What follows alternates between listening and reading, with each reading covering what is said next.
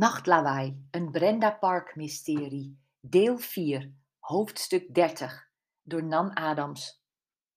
Brenda liet los en viel, dieper en dieper. En toen raakte ze iets. Au! Ze voelde stenen waar ze steeds lager vanaf tuimelde.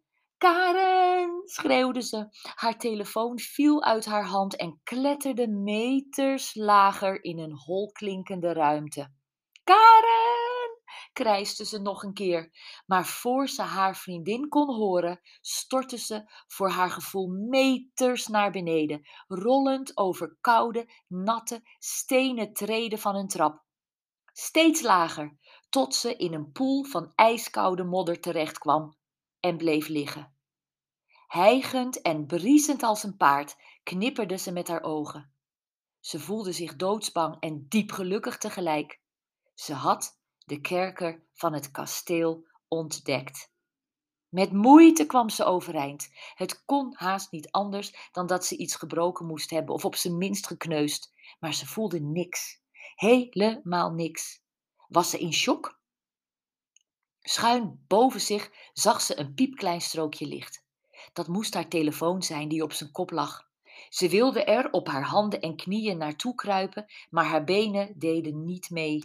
Met haar vuisten op scherpe stukken steen die aanvoelden als traptreden, trok ze haar lichaam centimeter voor centimeter een stukje hoger en verder.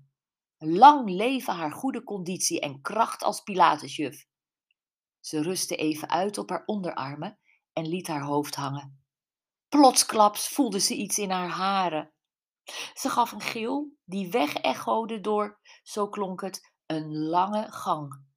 Hoe bijzonder dat je zonder ook maar iets te zien, je door te luisteren wist in wat voor soort ruimte je was. Ze hoorde gepiep en daarna een plons naast zich in blubber. Ze moest haar uiterste best doen om nu niet te verlammen van angst. Gadverdamme! Was dit de beruchte kerkenrat? Of was het een kerkrat? Ze kon het niet meer bedenken. Het kon toch niet lang duren voor Karen hulp had gehaald. Aan die gedachte moest ze zich vast blijven houden.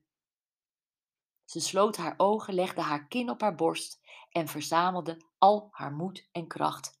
Nog een klein stukje naar haar telefoon. Op het moment dat ze haar hoofd weer optilde en haar ogen opende, zag ze in de verte een wit lichtje dansen.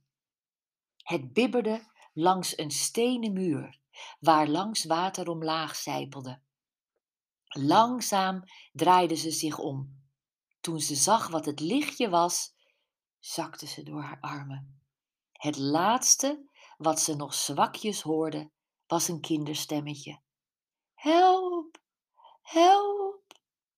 Daarna stierven de kreten weg en werd alles om haar heen weer zwart.